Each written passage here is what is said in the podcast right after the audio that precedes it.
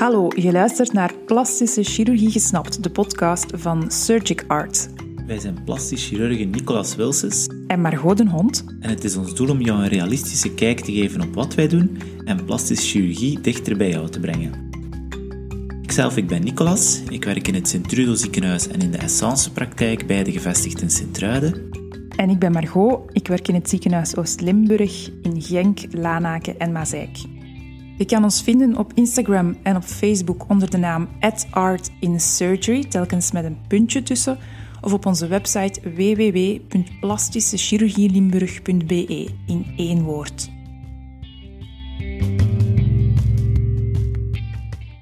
In onze rubriek Dokter, ik heb een vraag beantwoorden we een vraag die we regelmatig te horen krijgen. De vraag die we vandaag beantwoorden gaat over een borstreductie. Dokter, hoe verloopt het herstel na een borstverkleining of borstreductie? Gewoonlijk blijven de mensen na zo'n operatie een nachtje bij ons. In sommige gevallen doen we dat niet, hè, maar meestal, meestal wel. S ochtends komen we je dan nog even controleren, kijken we de wonden na, kijken we naar of er geen tekenen zijn van bloeding, hè, of de tepel en het tepelhof goed doorbloed is. Um, en moest dat nog niet gebeurd zijn in de operatiezaal, dan zorgen we, en zorgen we ervoor dat je de sport-BH aandoet. Die sport-BH dien je zelf mee te brengen, uh, en dan kunnen we samen controleren of die goed zit. Dan mag je naar huis. Het is de bedoeling dat je thuis natuurlijk een beetje rustig aandoet. Het vlak waarin we geopereerd hebben is het vlak tussen de borstspier en de borstklier. De borstspier, de grote borstspier, die vertrekt op je borstbeen en die loopt eigenlijk naar je bovenarmen. Dus als die bovenarmen veel gaan bewegen, dan gaat die spier veel bewegen. En als die bovenarmen met veel kracht bewegen, dan gaat die zeker heel veel bewegen. En dat is natuurlijk wat we niet willen in een, in een gebied dat net geopereerd is. Want al die beweging kan ervoor zorgen dat er, dat er een bloeding ontstaat, of dat die lagen niet mooi op elkaar gaan vastgroeien. Dan blijft er vocht staan, dat kan dan weer infecteren. Dan, dan zijn we vertrokken voor, voor een, uh, ja, een, een, een hele reeks problemen. Dat willen we natuurlijk voorkomen.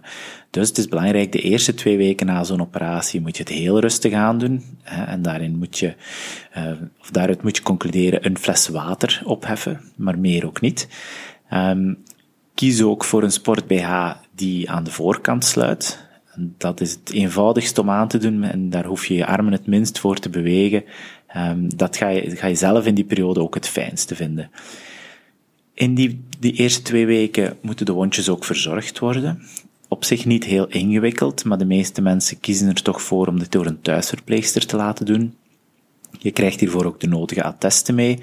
Um, wat er dient te gebeuren is dat er dagelijks de wonden moet ontsmet worden um, en al dan niet bedekt worden met een, uh, met een nieuwverband of met compressen in de, in de sport-BH.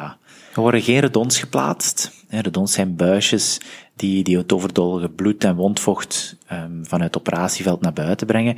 We doen dat niet omdat eigenlijk uitvoerig onderzoek heeft aangetoond dat dat het risico bloeding niet wegneemt. En het is dus eigenlijk alleen maar vervelend voor de patiënt um, om daarmee rond te lopen en zeker ook om ze nadien uit te doen. Na die twee weken zien we jou terug op de controleraadpleging. Gaan we eventjes samen met jou controleren of die wonden er goed uitziet, of er geen teken is van bloeding, van infectie. Kunnen de verbanden worden verwijderd en dan kunnen we langzaamaan beginnen spreken over de littekenzorg. Die littekenzorg, daar spelen zelf ook een heel belangrijke rol in. Dus uh, we gaan met jou bespreken om die littekens uh, dagelijks te verzorgen met de litteken balsem, litteken gel, afhankelijk van hoe de wond en het litteken er op dat moment uitzien. Um, en dan is het eigenlijk een beetje wachten tot die littekens versoepelen. Maar daar gaat, gaat een hele periode overheen. Gewoonlijk doen die littekens er ongeveer 6 tot 8 weken over om, om sterk te worden, om hard te worden. En in die periode gaan we die wonden, gaan we die littekens ook maximaal ondersteunen. Dat doe je met de sport die je dag en nacht draagt gedurende de eerste zes weken om, om er eigenlijk voor, voor te zorgen dat de zwaartekracht zo min mogelijk trekt aan die wonden en trekt aan dat litteken. Na die zes weken mag je de sport BH uitlaten, mag je terug een gewone beugel BH dragen. Het kan wel zijn dat het litteken nog een beetje gevoelig is op dat moment. Dus sommige vrouwen verkiezen dan toch om nog een paar dagen tot een paar weken wat compressen tussen de BH te steken. Dat kies je natuurlijk volledig zelf. Op dat moment hebben we nog niet het definitieve resultaat van de borstverkleining. De littekens staan dan nog heel hard, staan nog heel strak. En dat gaat allemaal versoepelen in de weken en maanden die daarop volgen. Gewoonlijk zeggen we dat de definitieve vorm pas bereikt wordt na de vroegste drie maanden. En wat we gaan zien is dat de borst die direct na de operatie nog heel koket staat, die gaat een meer natuurlijke vorm krijgen, die gaat een meer druppelvorm krijgen. Dus het volume dat na de operatie zich nog vaak in de bovenpool bevindt, dat gaat meer natuurlijk worden, dat gaat meer uh, een mooie druppelvorm aannemen.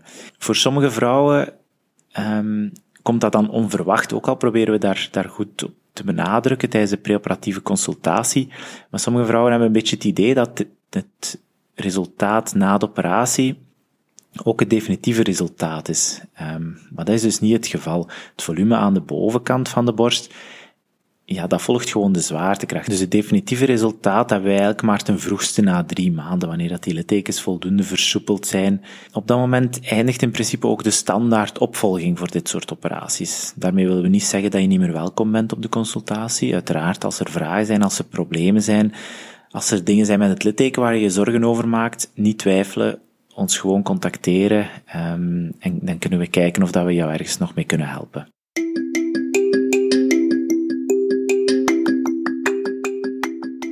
Heb jij ook een vraag voor ons? Dan beantwoorden we ze graag anoniem in deze podcast. Stuur ons jouw vraag via onze website, via ons e-mailadres of via onze social media. En onze gegevens kan je terugvinden in de beschrijving onder deze aflevering. Tot de volgende keer. Dag!